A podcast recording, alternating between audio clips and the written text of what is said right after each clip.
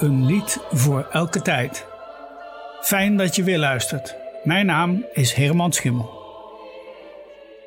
Vandaag is het op de kop af 370 jaar geleden dat Willem Hendrik van Oranje werd geboren op het Binnenhof in Den Haag. Willem Hendrik van Oranje, de latere koning Willem III, koning van Engeland, Schotland en Ierland. En daarvoor was hij stadhouder van Holland, Zeeland en Utrecht en later ook Gelder, Zutphen en Overijssel. Een Engelse koning, in Nederland geboren. Daarom zocht ik vandaag naar overeenkomsten met een Nederlandse componist uit die tijd. En die is er. In 1687 wordt in Alkmaar Willem de Fesch geboren. Willem werd muzikus in de stad Schouwburg van Amsterdam. Trouwd, verhuisd naar Antwerpen om daar kapelmeester te worden in de prachtige kathedraal al daar. Niet lang daarna verhuisde hij naar Londen. Daar vertel ik zo wat meer over, maar laten we eerst even gaan luisteren naar een werk van Willem de Fesch. In mijn cd-kast vond ik een oude opname van het Nederlands Begeleidingsorkest, waar ik destijds voorzitter was, en het Holland Boys Choir.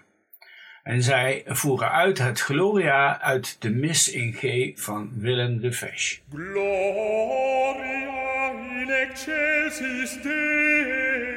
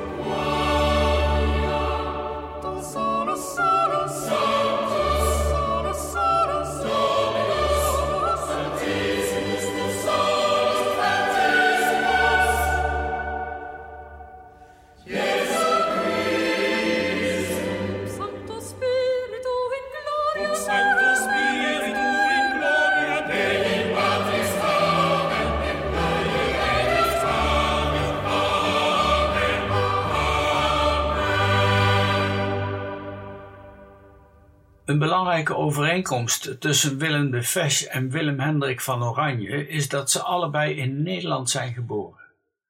En dat ze allebei in Londen zijn overleden. Willem de Fesch vestigde zich als violist namelijk in 1731 in Londen en was daar een tijdje concertmeester van het orkest van Handel. En hij trad voor dat orkest ook solistisch op. De Fesch componeerde voornamelijk orkestwerken. Maar gelukkig liet hij ook ons prachtig koorwerk na.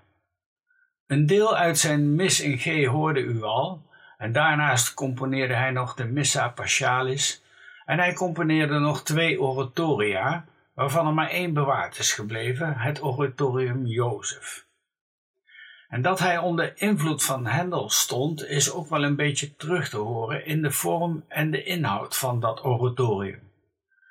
De muziek werd jarenlang als verloren beschouwd, totdat in 1980 in de bibliotheek van de Royal Academy of Music een manuscript opdook.